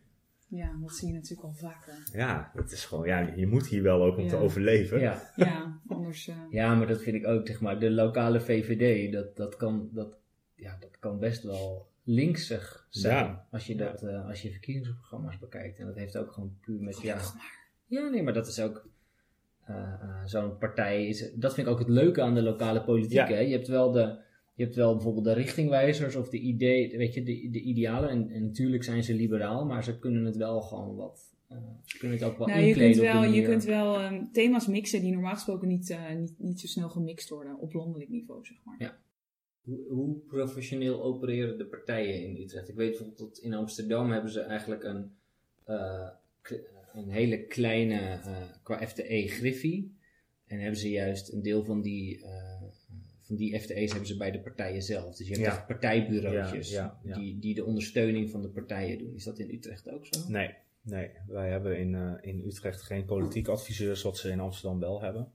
Dus dat je Hadden we echt, dat in eh, Haarlemmermeer? Nee, Ook niet. ook Nee. niet. Nee. Nee, volgens mij is het redelijk uniek. Hebben we niet alleen Amsterdam? Ja, volgens mij Rotterdam en Den Haag ook. Oké. Den De Haag echte, weet ik niet de echte zeker. grote. Ja, ja, ja. precies. Maar wat je ziet in eh, Utrecht is dat je best wel ook een progressieve griffie hebt. Best wel een jonge uh, griffier. Uh, enorm fanatiek en enthousiast. En zij heeft om haar heen een club van, ik denk, acht, acht mensen. acht, acht mensen van de griffie? Ja, en zij zijn raadsadviseurs. Dus waar ik een bestuursadviseur ben voor een wethouder straks, is er ook een raadsadviseur die die portefeuille doet. Alleen die is meer gericht op de raad. Ja. En ik ben gericht op, op het bestuur van de stad. Ja. En um, dus dat helpt al heel erg, Ja. vind ik. Uh, maar daarnaast is dit ook wel echt, uh, uh, kent Utrecht best wel een goede professionele raad. Maar je merkt het ook, uh, mensen zijn in het dagelijks leven, werken ze bij een ministerie. Of uh, zijn ze consultant bij een groot, uh, groot bureau. Het zijn gewoon slimme lui. zeg ja, maar. dus die die, snappen hoe de wereld werkt. het. Ja, die weten, Dat die helpt weten, die, Ja, die, die zijn in hun dagelijks werk adviseur aan de andere kant, Ja. zeg maar. Dus dan, ja, dan is En hoe Ja. oud zijn ze ongeveer? Ja, dat, dat eh, vind ik lastig. Ik denk dat, eh, dat eh, Utrecht een redelijk jonge raad heeft. Zeker als ik het vergelijk met uh, Haarlemmermeer. En dat, die, dat, dat de raad nu weer jonger is geworden dan dat hij was. Ehm, ik denk dat de gemiddelde leeftijd begin 40 is. Eind Hmm. 30, begin 40. Nee. Als ik moet gokken. Ja. Eh, ik, ik had, wij hadden vorige week een, eh, een introductiedag met de raadsleden, de nieuwe raadsleden. En ik hoorde heel vaak als ik aan iemand vroeg wat doe je in het dagelijks leven, dat die persoon zei, ik ben nu mijn scriptie aan het schrijven. Dat ik dacht, Oh, oh, ja. ja, ja, Oh, dat is ook al mooi. ja, ja. Nou ja, om even te vergelijken. ehm, bij het waterschap is de gemiddelde leeftijd oud. Ik denk, ik denk rond de eh, eind 50, denk ik. Ja. En we hebben geen griffie. Helemaal niet. Nee, Dat is ook eigenlijk, zo'n eigenlijk verschil. wel raar. Ja, dat vind ik eigenlijk. Nee, maar als ik dit dan hoor, dan denk ik, dat dacht Nee, ik ook. Het nee, maar dat is eigenlijk omdat het, een, omdat het geen dualisme is. Nee, Nee, tuurlijk, oké, ja. ja. weet je, en daar, is dat de belangrijkste reden Dat is de belangrijkste reden, denk ik. En, en wij hebben Maar het wel... is ook, maar wij hebben dan niet zoveel. Ja, maar als je acht eh, leden van de Griffie hebt om de raad te ondersteunen. En bij ons hangt het een beetje zo. Bij de fracties en bestuursondersteuning. En moeten het allemaal zelf doen. Ja, goed, maar... Dus wel, nou, ik vind het verschil gewoon groot. Ik vind het verschil ook groot. En ik vind ook dat. Ik heb een tijdje, eh, ik heb een tijdje het relatiemanagement van het waterschap met de Haarlemmermeer gedaan. En toen heb ik ook een tijdje, heb ik een paar dagen mee mogen lopen. Waar jij dan ook, eh, ik weet niet of je er toen zat, ik denk het niet. Maar ehm, toen heb ik een beetje als het ware een soort meeloopstage gehad van, eh, eh, van de staf. eh, en, en zeg maar collegestuk en dergelijke Mhm. voorbereiden. En toen dacht ik wel van wow, bestuursadviseur bij jullie, dat is toch wel even wat anders dan dat ze dat bij ons doen. Jullie zitten er veel dichter op, veel. Ja. eh, en dat is bij ons gewoon heel anders. Maar dat is ook omdat het een andere dynamiek tot op zekere hoogte is. Met een, weet je, de vergaderfrequentie van het, Ja, is laag. van het dagelijks bestuur is wel, is wel hetzelfde, maar van het algemeen bestuur is van ons natuurlijk veel lager. Dus ik denk dat dat ook wel een van de dingen is. Heb jij een beetje een beeld hoe- weet je, je bent nu bestuursadviseur in de Haarlemmermeer geweest, je werkt nu in je Mhm. eigen stadje. Ja. Statie, Eh, zeg maar. Statie, ah, sorry, ik kom niet van gefaalde poging tot... eh, tot eh. Maar is, er dat, is dat ook een beetje, lijkt het allemaal een beetje op elkaar? Een van de dingen die ik in mijn achterhoofd voor een podcast heb, is om een keer de verschillen tussen Rotterdam en Amsterdam. Ja. Want ik denk dat daar wel duidelijke verschillen in, in, in ambtelijke cultuur en dergelijke ook zijn. Maar is dat qua bestuursadviseur overal ongeveer hetzelfde? Kun je daar iets over vertellen? Of in ieder geval wat verschil tussen Haarlemmermeer en Utrecht. Ja, ik vind het wel echt heel anders, eh, moet ik zeggen. Ik had verwacht, eh, zeker omdat ik ook weet hoe het in Amsterdam werkt, uh, bestuursadviseurs, uh, had ik verwacht dat het in Utrecht uh, veel formeler zou zijn dan, uh, dan in Haarlemmermeer. En dat is juist helemaal niet. Het is veel informeler. Het is een veel, uh, dus de, de cultuur is heel open. Dat was ook wel echt. En wat bedoel je daarmee? Nou, het, het schijnt ook te komen door het college wat nu zit in Utrecht, want het is een enorm collegiaal college. En uh, het heeft ook te maken met het stadskantoor waar wij in zitten, want wij zitten, laten we zeggen, op de twintigste verdieping. En daar zitten ook alle wethouders en alle communicatieadviseurs en de burgemeester. Wij zitten allemaal op één vloer, dus je komt elkaar de hele dag tegen.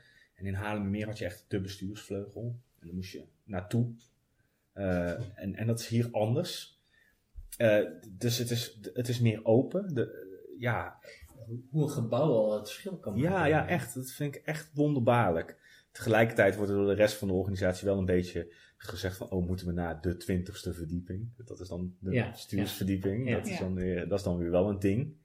Maar ook ehm, eh, wat, wat, wat het, het grootste verschil tussen Utrecht en Haarlemmermeer, en dat heeft denk ik wel met de grootte te maken, is dat je in Utrecht heb je ook bestuurlijke contactpersonen per afdeling. Dus bijvoorbeeld wonen heeft een bestuurlijk contactpersoon.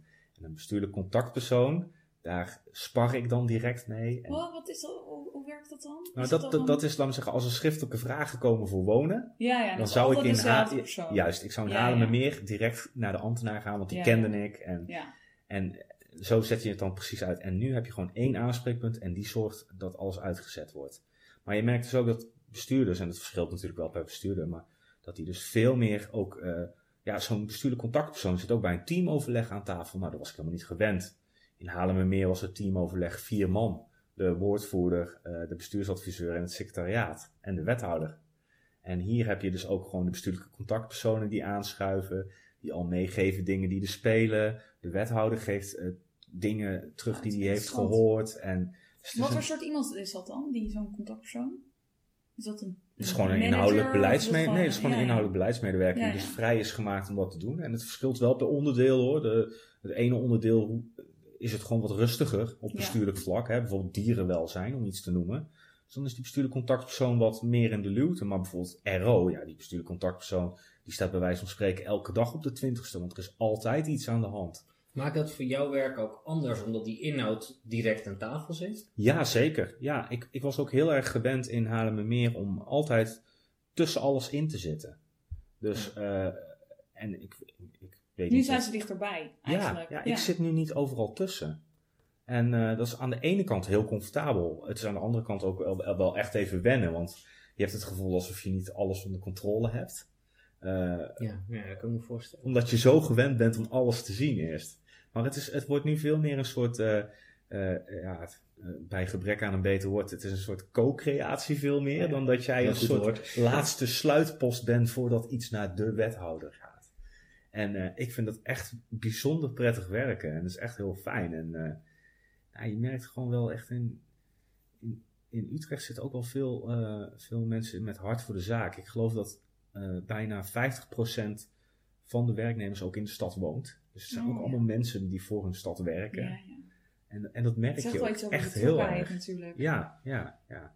Ja, want jij werkt nu ook voor je eigen stad. Ja, ja dat is echt, ik vind het echt geweldig. Ik had, eh, ik had mijn eerste week meteen eh, mondelinge vragen over, over, het, over de, de weg die ze hier achter mij aan het openbreken zijn. Dus dat je meteen ziet van, hé, hey, hey, dat is bij mij aan de hoek waar Ja, het je nu weet gewoon gaat. dan waar het is. In Ja. plaats van dat je een beetje zo'n half beeld hebt. eh. Ja, en ik, ik heb me deze week bijvoorbeeld bezig gehouden met een brief aan de raad over de restauratie van de Domtoren. Dat is natuurlijk super mooi om, dat, Ja. om daar Maar je aan mee weet, te nu, werken. je weet nu dus ook allerlei dingen die je voorheen ook gewoon niet wist. Want Ja. heel veel dingen, ja, tenzij je, nou goed, jij was dan daarvoor ook nog politiek actief een beetje in, in Utrecht. Ja. Maar er zijn, ik woon ook in Utrecht, maar ik weet echt, heel veel dingen weet ik niet. Want ik heb gewoon geen zin en geen tijd om er heel erg in te verdiepen. Nee, het is ook, het is ook heel moeilijk. Eh, wat ik je wel kan aanraden, is, in zoverre je dat nog niet hebt gedaan, is je gewoon abonneren op de nieuwsbrief van je, van je wijk. Dat scheelt al heel veel. Ja, die krijg ik wel. Ja, dat, nou, dat, dat, dat, dat, dat deed ik voorheen altijd. Maar, maar nu krijg je echt alles in de stad mee. En Ja. ook alle, alle dwarsverbanden. En,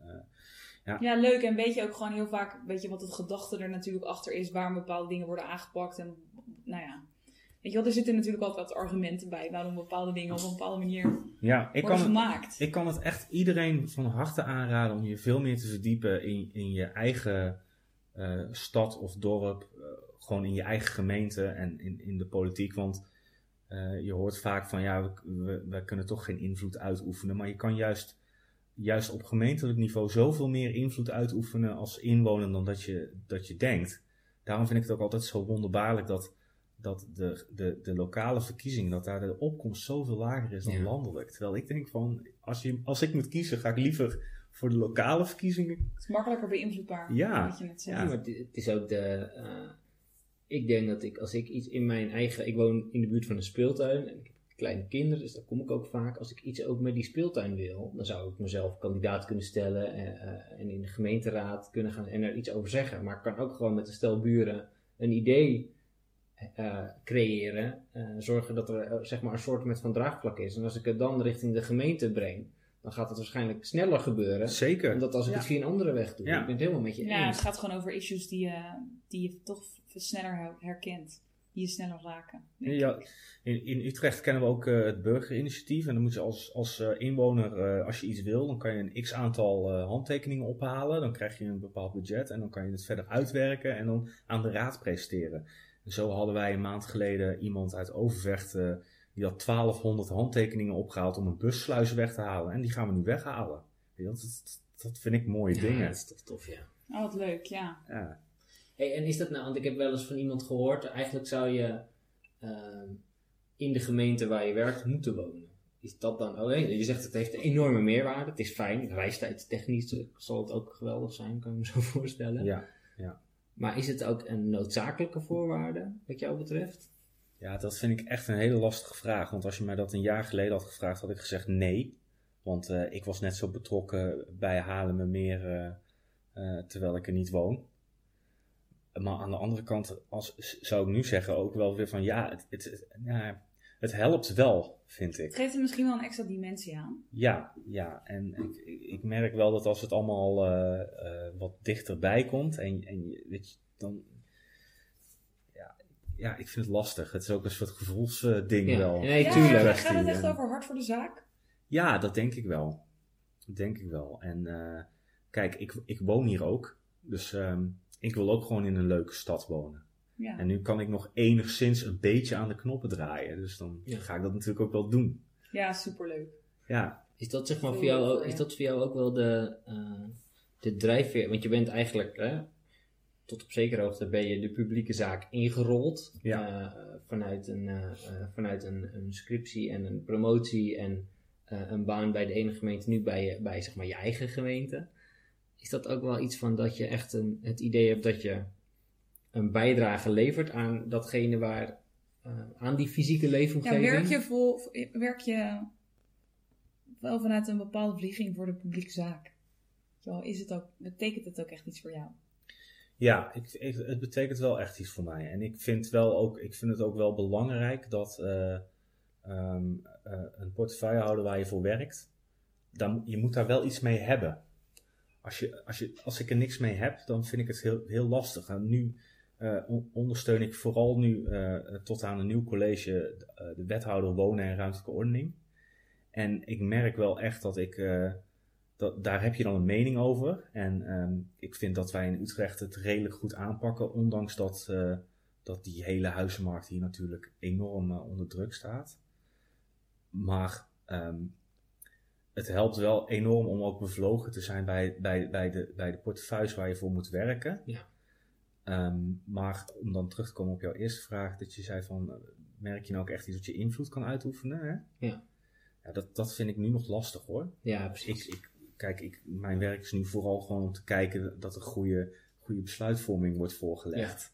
Ja, maar ik bedoelde hem in die zin ook meer, eh, niet per se van echt het invloed uitoefenen als in een beetje macht hebben, maar wel het idee hebben dat je eh, met het juiste bezig bent. Of dat je de wereld een beetje beter maakt. Of hoe je het ook Ja, wil, maar eh, dat, dat heb ik wel. En dat, dat sluit dan wel aan bij wat Laura ook zei. Hè? Van, ik heb wel het gevoel dat ik nu met al mijn collega's wel echt eh, werk aan een, aan een betere stad voor iedereen. En, en dat, is, dat gaat natuurlijk heel moeizaam. En ik kan me heel goed voorstellen dat een heleboel mensen dat zo niet ervaren die hier ook in de stad wonen. Ehm, kijk, als jouw kind een verstandelijke of lichamelijke beperking heeft en je valt net buiten alle regelingen voor, eh, voor de, voor, de- voor de regio-rijder. en eh, je kind wordt dus niet opgehaald of het gaat elke dag fout eh, dat je kind te laat wordt opgehaald. Of, dan kan ik best voorstellen dat je eh, de pest in de gemeente hebt. Ja. Ehm, Ja, en het is ook verrekt en moeilijk. Want je moet Ja. al die verschillende belangen die binnen gemeente spelen, al die beleidsvelden, die liggen allemaal eh, bij de gemeente op, op het bord. En het zijn er alleen maar meer Ja. geworden. Maar het, het lijkt wel eens soms alsof mensen denken dat de gemeente ehm expres je in de wielen rijdt of zo. En dat is natuurlijk helemaal niet zo. Want Nee. eh, ik bedoel, al die mensen die, die ik meemaak, die zijn enorm bevlogen en, en die gaan ervoor. En, en dat is, om, om even terug te komen op een eerdere aspect van dit gesprek. Dat is natuurlijk ook meteen een valkuil. Hè? Want die mensen zijn allemaal heel bevlogen. Maar ze zitten wel allemaal in hun eigen beleidsdomein. En daarom gaan dingen ook vaak fout. Ja. Omdat je geen rekening houdt met, met die verdieping onder of boven je. Ja. ja. Maar ik, ik, ja, weet je, ik, misschien ben ik gewoon wat, wat naïef daarin. Maar ik geloof er echt in dat iedereen alleen maar vanuit de goede bedoelingen werkt aan de publieke zaak bij een gemeente. Ja, dat, dat geloof ik wel erg. Ja, dat, her- dat herken ik wel. Dat is bij een waterschap ook wel zo. Weet je. De, de bevlogenheid van veel mensen is enorm. Ehm, en ik denk ook dat, eh, eh, dat op zekere hoogte voor sommige mensen klopt het beeld van een suffe ambtenaar, maar ook heel vaak niet. Want ik ken- ik ken ook heel veel mensen die zich echt helemaal eh Ja. om de- een slag in de rond te werken. En, eh, en ook inderdaad heel veel hart hebben voor de zaak. Ik vraag me dat wel eens af, weet je, wij zijn, op, wij zijn dezelfde generatie, hoe dat nou, eh, hoe wij over twintig jaar zijn en of mensen van onze leeftijd nu, de- hoe die dan tegen ons aankijken en hoe dat twintig, vooral ook hoe dat twintig jaar terug was, van die mensen die er nu... eh, eh, Ja, zijn. want dat vind ik nu wel eens interessant, weet je. Dat je een soort van, dat ik nu wel merk dat, eh, dat ik eh, eh, met management meer begin te botsen. Niet dat ik ruzie met ze heb, maar ik vind er meer van. Ja. En, ik, en ik, denk, ik denk steeds vaker van, potverdorie, weet je. Ga eens even goed je werk doen. Of ik denk, ik, ben- ik denk heel vaak, steeds vaker, oh, dat zou ik ook wel kunnen en ik denk dat ik het beter kan. Dat je dat, dat maar volgens mij hoort dat erbij als je, als je ervarener wordt. Maar uiteindelijk, weet je al, gaat er toch een keer een wisseling van de wacht plaatsvinden eh, in organisaties. En komen wij dus op een gegeven moment ook op die plekken die. eh, dat vind ik wel. En hoe, hoe kijk je er dan tegenaan? Of als je, als je besluit dat je daar niet heen wil, weet je wel. En je, en je blijft meer. ehm, je blijft bijvoorbeeld meer hangen op. eh, als je bijvoorbeeld niet het management ingaat en je krijgt een hoge adviseursfunctie of zo. Hoe, hoe gefrustreerd word je dan met al die managers en zo die Ja. boven je zitten? Volgens mij wordt dat erger. Ja, ik vraag En ik af- denk wel eens, hoe moet dat dan door, weet je wel? Als je nu eh, nog geen 40 bent en je moet nog, eh, nou, 30 jaar, meer dan 30 jaar werken. Hoe gaat zich dat dan ontwikkelen? blijft die bevlogenheid? Ja, Dat vraag ik me wel af. Ja, je moet natuurlijk die bevlogenheid altijd nog voor jezelf eh, weer blijven uitvinden. Hè? En ik, ik, ik vind het altijd wel een soort. Ik denk dat het heel belangrijk Wat, wat ik vooral zie, mensen die, eh, die gefrustreerd raken in mijn omgeving, in, in, het, in, in het openbaar bestuur of die voor de publieke zaak werken, eh, zijn vooral wel mensen die zichzelf eh, totaal niet. ehm, ehm, ehm, hoe heet het? Die, die zich onvervangbaar vinden. En volgens mij blijf je ook een soort jeugdig enthousiasme en bevlogenheid houden als je er altijd van uitgaat dat eigenlijk eh, je werk vervangbaar is. Of dat je eigenlijk je werk goed hebt gedaan als je functie niet meer nodig is. ja. En als je er altijd zo in blijft zitten.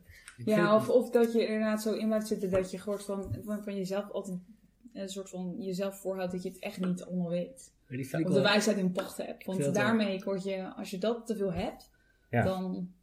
Ik vind het wel een rake opmerking hoor. Want ik weet nog, toen ik de, de functie die ik nu heb begon, toen zei ik ook van, ja weet je, ik ga, me, ik ga me, mezelf proberen eh, niet meer nodig te maken binnen twee Ja. jaar. En ik doe het nu twee jaar en ik ben me enorm druk aan het maken over, over hoe, hoe het nou verder gaat in de functie. Terwijl ik ben mezelf zeg maar, nou, eigenlijk precies wat jij zegt. Ik vind mezelf onvervangbaar. Tot weet je, tenminste, daar, daar groei je op een gegeven moment een beetje in dat je jezelf Ja. dan toch onvervangbaar gaat vinden. En dat is denk ik, ik vind het wel heel terecht dat je dat zegt. Eigenlijk is dat geen goede modus om te hebben.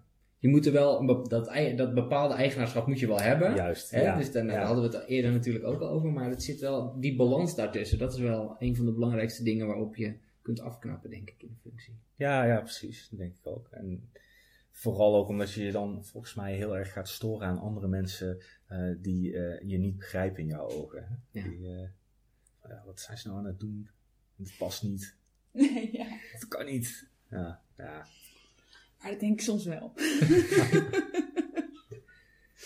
maar goed. Dat is ook wel gezond. Dat is ook weer gezond. Zeker. Voor een deel is het ook gezond, toch? Ja, in mijn organisatie wel. Ja, zeker. Nou ja, het is, ook, het is soms ook de vraag van hoe lang je ergens moet werken Ja. om het eh, voor jezelf... Nee, maar eh, dat is wel. Jij bent, hoe lang heb je bij Haarlemmermeer gewerkt? Ik heb in, eh, in totaal acht jaar bij de Haarlemmer gewerkt. Ja. Ja. En toen, ja, en toen ben je geswitcht. Ja. Ja. Ja, en ik weet niet, ik denk dat ik dit nu vier jaar wil doen en dan zie ik het wel weer. Want geloof je daarin dat je, eh, dat je zo'n soort cyclus hebt dat je na, eh, de, sommige mensen zeggen vijf jaar, sommige, het maakt eigenlijk niet uit hoeveel jaar dat is, maar dat, je, dat het verandering van werkgever ook goed voor je is? Of zou je ook, je zie, zie jezelf ook oud worden bij de gemeente Utrecht? Misschien in een andere rol op een gegeven moment? Ja, precies. Ik, ik, ik link het nu meer aan deze, aan deze functie. Hè. Bestuursadviseur, je zit dan vier jaar aan een bestuurder vast. En dan, dan is het, mijn inziens, heb je in ieder geval een natuurlijk moment om iets anders te gaan doen. En dat is bij de volgende verkiezingen. Ja. En dan kan het ook best zijn dat, dat er een andere wethouder komt en dat je denkt van nou, die, die portefeuilles die wil ik ook nog wel een keer doen of zo. En dat je dan weer bestuursadviseur blijft. Dat kan, maar maar je blijft natuurlijk nooit, dat is ook wel leuk aan deze functie. Hè?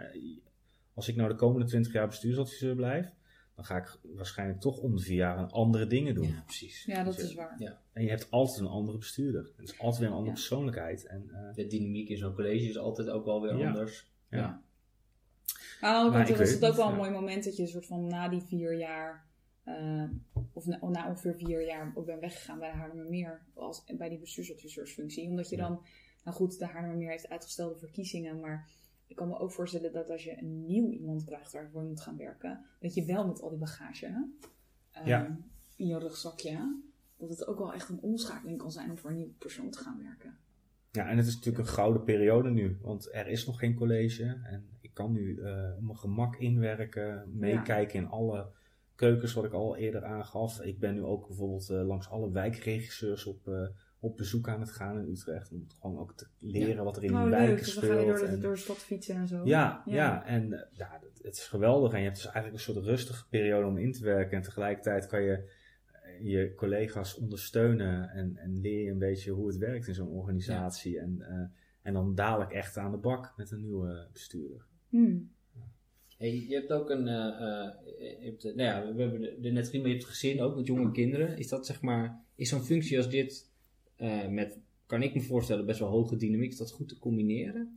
Ja, ja, ja en nee. Eh, het is ook wel een beetje hoe je er zelf mee omgaat. Ik ben op woensdag bijvoorbeeld altijd vrij. Eh, dat is eigenlijk heel onhandig, maar op maandag, dinsdag, donderdag of vrijdag is het ook onhandig. Dus dit was het minst onhandig. Nee, er is geen handige dag. Nee, er is gewoon geen handige dag. En eh, ehm, in, in Haarlemmermeer was de vrijdag juist heel rustig. Daar was ik altijd op vrijdag vrij. Ja. Eh, in Utrecht mocht dat niet, omdat we op vrijdag nog allemaal stukken aanleveren voor het college van de week daarop. En die deadline was in Haarlemmermeer iets eerder. Dus Ja. vandaar. Ah, dat is wel kort, want wanneer gaat het het college? Dinsdag, dinsdagochtend. Ja, Ja, ja, nee, wel ze, ja, ze zijn allemaal wel wat flexibeler hier eh, wat dat betreft. Maar, ja want dan sle- sleep je bijna dingen het weekend ook weer in. Ja. Maar goed. Maar dus eh, ze zeiden van, ja, ik zei van ja, welke dag kan dan? Ja, eh, woensdag is misschien wel het minst onhandig, dus dat, dat doe ik nu. Maar al mijn collega's werken gewoon vijf dagen. Maar dat zijn of mensen zonder kinderen of met veel oudere kinderen. Ehm, en ehm, ja, weet je, wat ik al zei, ik ben eh, heel flexibel. Ik check op woensdag gewoon eh, regelmatig ook wel mijn mail als er iets aan de hand is. En als ik gebeld word, dan neem ik gewoon op. En als het dan even niet lekker loopt met mijn dochters erbij, dan zeg ik gewoon van het gaat nou even niet, weet je. Dan, daar heeft iedereen dan ook wel weer begrip voor. Maar ik probeer gewoon wel eh, bereikbaar te zijn. En ehm, Maar dat gaat wel oké? Heb je geen stress van of zo? nee, nee, ja, nu nog niet hoor. Je moet het me eigenlijk over een half jaar weer Ja. vragen als ik er echt eh, middenin zit. Want ik weet wel, in Haarlemmermeer zat ik er natuurlijk veel meer in. En daar ging het ook wel echt, eh, ook wel s'avonds vaak door. En dan zijn het niet echt, ik bedoel, ik schrijf geen stukken, maar het zijn wel allemaal weer dingen uitzetten. Of dat je wel weer met iets wordt opgezadeld wat dan wel in je hoofd zit. De rest van je avond. Ja, precies. Ja, dat je iets voorbij ziet komen Ja, dat je denkt, oh, dit is uit. niet handig Ja. zo. Ja. Eh, maar ik moet dan weer wel zeggen dat nu in, in Utrecht eh, werken en ook wonen scheelt wel enorm. Want ik zag in Haarlemmermeer mijn kinderen door de week gewoon soms helemaal niet. Want dan ging ik om zeven uur de deur uit en ik kwam om acht uur thuis. Ja, precies. Dan ligt ze al op bed. Ja, en, eh, en, en nu eh, loop ik s'morgens in de weg. Eh, eh, ja, pas je niet Ja. in de patronen. En, eh, en, even weer wennen, voor iedereen wennen. ja, en als ik eh, tot zeven uur werk, dan ben ik nog steeds op tijd thuis om ze op bed te leggen. Ja. Je, Dat, dat, is echt, eh, dat is echt goud. Ja. Ehm, en dus in die zin is het gewoon, ja, je moet wel een soort flexibele opstelling hebben en dan is het wel goed te doen. Ja. Maar als je echt zegt van eh, ehm, eh, een bepaalde dag is echt voor mijn kinderen en niet voor mijn werk, dan is bestuursadviseur denk ik geen functie Nee, voor je. precies. Ik heb een tijdje, omdat bij ons, toen we zwanger werden van de derde en dat bleek een tweeling te zijn, hadden we, hebben we een hoop dingen moeten doen. Van een huis verbouwen tot een, tot een grotere auto kopen. Maar ook, eh, eh, ook de opvang had daar wat issues mee. Ja, want ja. ja, eh, Die zat vol. die zat vol op- en op de dagen, dus ik heb toen een tijdje op dinsdag niet gewerkt. En dat bij ons ook de college. eh, Oh, ik ben er af en toe college ook niet op dinsdag. En dat vind ik echt een stressdag om vrij En te ik vond zijn. dat toen echt inderdaad de totale hel om vrij te zijn. Want dan werd je gebeld, was ik met mijn kinderen en liep ik in de stad en dan werd ik gebeld en vond ik het toch belangrijk genoeg om op te nemen. En dan, ik had daar wel, een, ik merkte dat ik dat, daarna was ik het wel weer kwijt, dus ik kan het ook wel redelijk goed loslaten. Maar ik vond dat wel, ik vond het wel stressvol, zeg maar. Ja. Nou, dat is ook, daarom is, is woensdag ook wel het, het, het, het handigste in die zin, omdat ik dus probeer om alle aanpassingen uit het college op dinsdag al eh, door Ja, te precies. krijgen. En dan is woensdag wel echt zo'n rustpuntje in de week. Ja, Eh, dan want, past het. want bij donderdag heb je raad, eh, Ja. vrijdag is aanleggen college, maandag heb je je stafoverleggen, dinsdag is Ja. het college. Ja. En dus woensdag even zo'n soort ja, oog van de tornado. Ja, precies. Maar ook weer niet helemaal. Dus eh, Nou, leuk. hey Bart, wat is volgens jou de, de grootste uitdaging voor, eh, voor eh, het openbaar bestuur? eh, voor het openbaar bestuur in het algemeen bedoel je dan, hè? Ja. Mag ik het dan toch een beetje projecteren op mijn Tuurlijk. werk? ja, tuurlijk. Ja, nee, het is eh Maak het zo groot met klein jou. als je wil.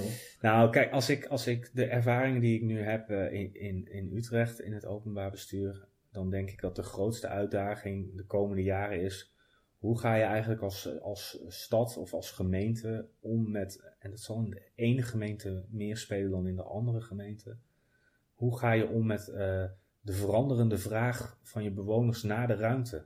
Hè? Hoe mensen ruimte ervaren, hoe mensen de ruimte indelen, wat mensen willen in, in de stad, wat ze willen doen, hoe ze een stad willen ervaren.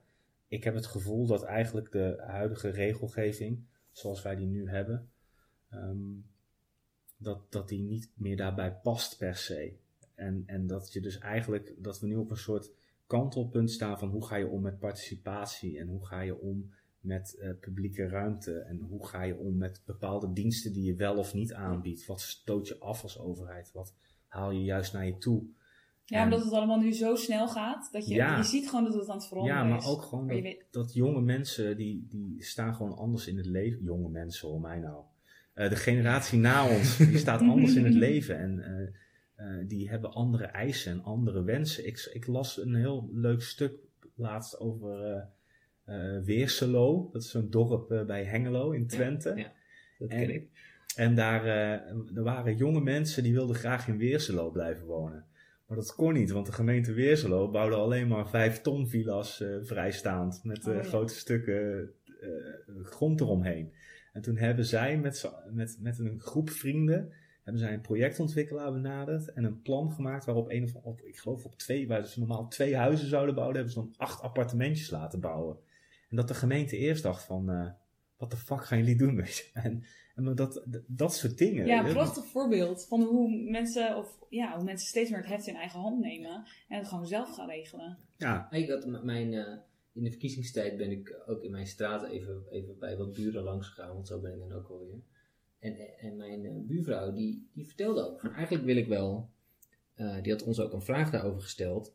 Eh, en ik kwam er la- laatst weer tegen en toen hadden ze daar ook over gehad. Want zij woont, ik woon in een, eh, mijn huis uit 1905, dus dat is een wat oudere wijken in Hilversum, zeg maar. Het zijn best wel groot, het zijn niet enorme grote huizen, maar als je, als je nog maar in je eentje woont, zijn die huizen eigenlijk ook heel onhandig, hoge Ja. trappen en dat soort dingen. Het zei ze ook, ja, ik wil eigenlijk wel in het knarrenwoning of iets dergelijks is de term, ik ben het vergeten. In Zwolle hebben ze ook zo'n project waarin ze dus echt voor een soort community voor senioren eh, eh, als het ware gaan bouwen.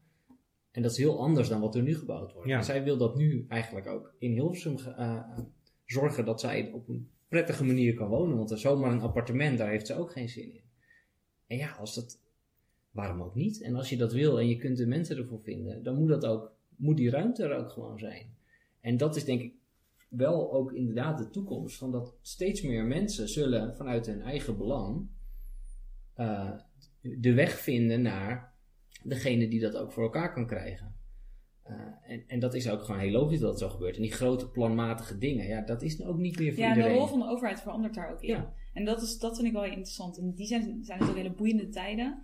Want, eh, eh, niet, maar niet alleen eh, initiatieven van burgers, maar ook dat ehm, vanwege de omgevingsvisie en zo steeds meer al die beleidsvelden in elkaar moeten Ja. schuiven en zo.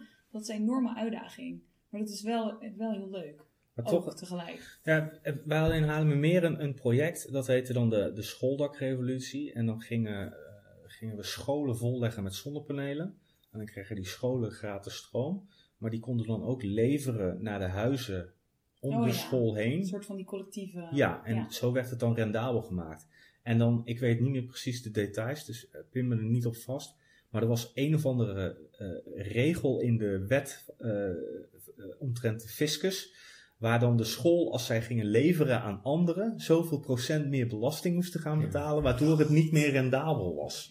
Dat je denkt van, Ja. Maar als dus mensen zoiets bedenken met elkaar, wat dus bijdraagt aan een, aan een betere toekomst voor, voor, voor de stad en wat, wat ook eh, gewoon hè, het, de sociale cohesie vergroot. En, ja, en, werken vanuit de bedoeling. Ja. Zullen we even... en dan is er een regel die houdt dat tegen. En, en, ik- en, en ik denk dat dat echt de komende jaren alleen nog maar meer gaat scheuren. En ook, Ja, ja. ook met zo'n omgevingsvisie, weet je, die gaat het ook weer niet oplossen. Nee, zeker Nee, niet. die gaat het alleen maar duidelijker maken. Ja, nee, Ja, nee, dat ja, nee, ja, die gaat het alleen maar uitvergroten. Ja. ja, ja. Dat, dat vind ik, dat is voor mij het mooie eraan. Is dat het duidelijker gaat maken hoe slecht, nee niet hoe slecht, niet negatief maken, maar hoe, nou toch wel hoe slecht dat uiteindelijk op elkaar past. Die puzzel. En, Ja, maar, ook- maar dat vind ik dan ook wel weer gelijk heel leuk. Omdat ik denk, oh, weet je wel, ik vind het echt heel leuk om daaraan te werken. Daar hebben we ook mensen voor nodig die echt eh, eh, kunnen samenwerken en eh, zich kunnen verplaatsen in meerdere beleidsvelden en zo. En, en soms denk ik wel, oké, ik zit in ieder geval aan het goede kant van het spectrum te werken of zo, weet je wel. En dat houdt het ook wel echt leuk. ja. Dat ik denk, oh, alles wat er nu gebeurt, als je een beetje om je heen kijkt, dan denk ik echt, Ja. cool. Ja, ja. en ja, het, het wordt alleen nog maar, eh, denk ik, mooier en leuker de komende jaren. Maar er gaan ook wel echt wat, denk ik, pittige gesprekken eh, eh, gevoerd worden omtrent regelgeving en eh, wat wel en niet kan. Ja. maar wij, weet je, dat is het stomme van deregulering of zo, dat is echt zo'n term vanuit de politiek. Eh, maar als zij iets willen, moet het altijd in een regel gevat worden. Ja, Dus het is een, ja. het is een soort, ja, Het is de tweebenige overheid, hè? Aan de ene kant zeg maar dat je daar een gematige, eerlijke, weet je, iedereen gelijk behandelende wijsheid eh, met belastinggeld, eh of in, met wijsheid omgaan met belastinggeld, ten opzichte van maatwerk leven, zien waar de kansen liggen, waar je dingen kunt koppelen en waar je het ook niet gelijk doet, zeg maar. En uitlegbaarheid daarop. Dat is een heel leuk spanningsveld. Ja, ja en, en, en in, wat, wat participatie betreft eh, eh, vind ik het wel heel spannend de komende tijd. Hoe je, je ziet steeds meer participatie wordt overal voor gebruikt. Maar eh er zitten twee negatieve kanten aan, vind ik. Aan de ene kant is dat participatie door gemeentes wordt gebruikt om, om te participeren.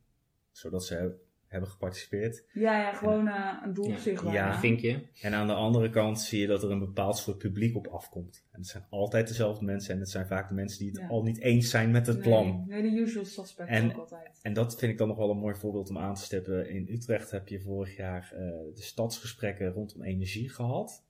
En ehm, daar, zijn mensen, daar kregen mensen een VVV-bon van 100 euro voor en je werd ingelood.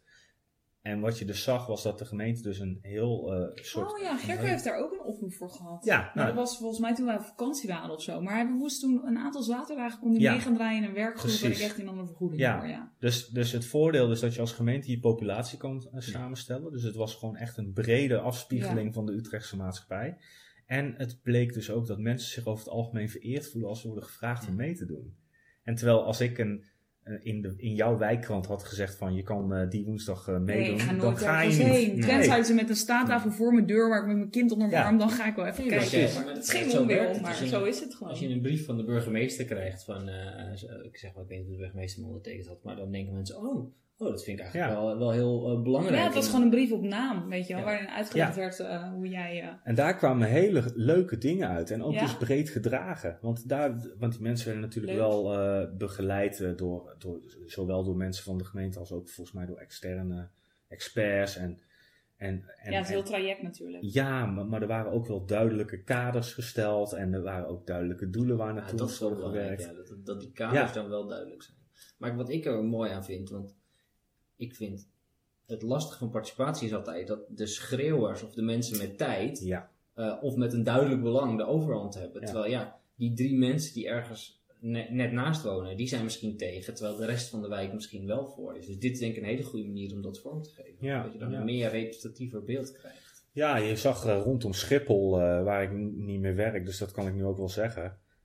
Dat, eh, dat de bewonersvertegenwoordigers waren altijd blanke mannen van boven de 50, hoog opgeleid. Ja, waren, ja, dat is een waren dat dan de. soort mensen. Ja, waren dat dan echt de omwonenden van Schiphol? Ja.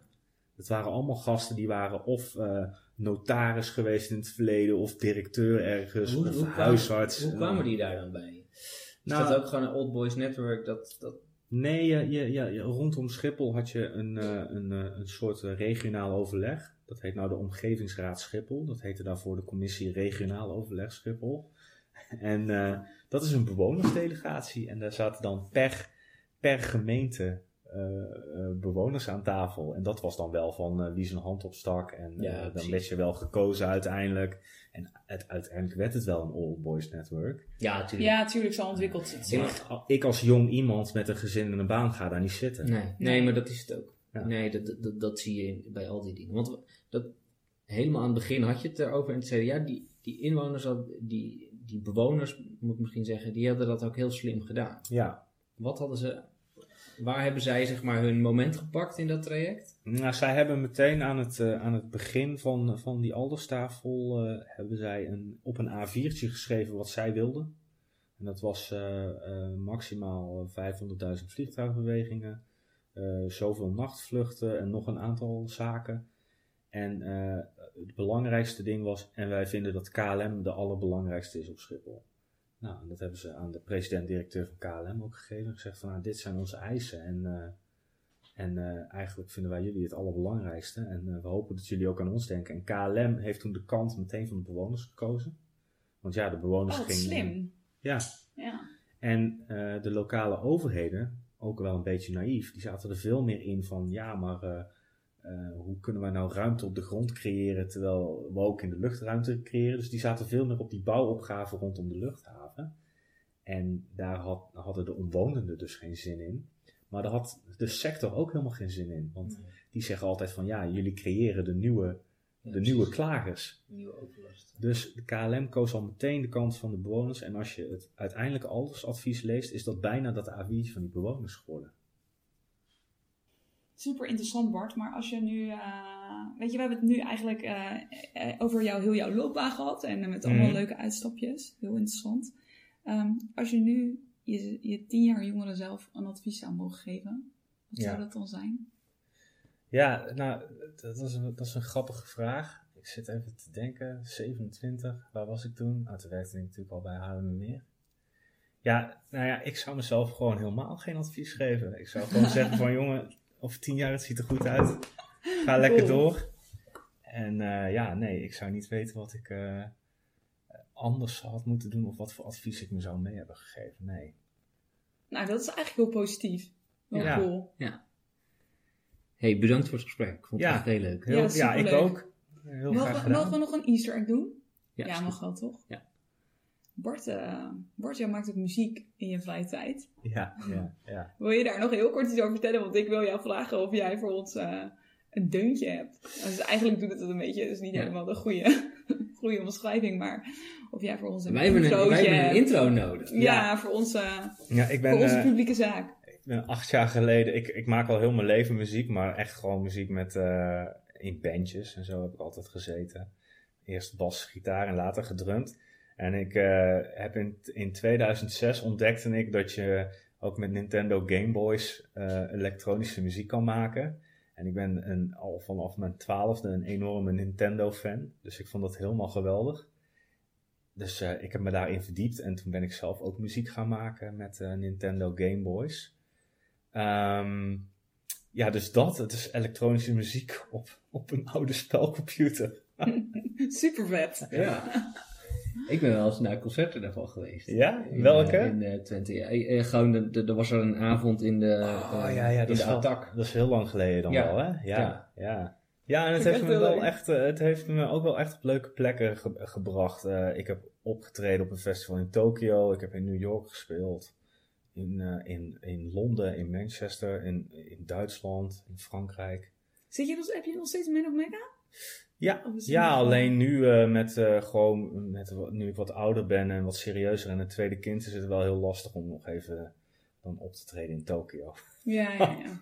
Dus eh, dat eh, gaat wat lastiger.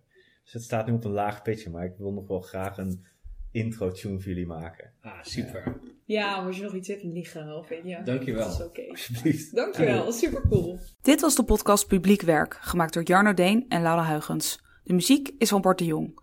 Vond je dit nou leuk? Vertel dan alsjeblieft aan je vrienden, familie en collega's. En vergeet niet om onze podcast een recensie en sterren te geven. Dankjewel.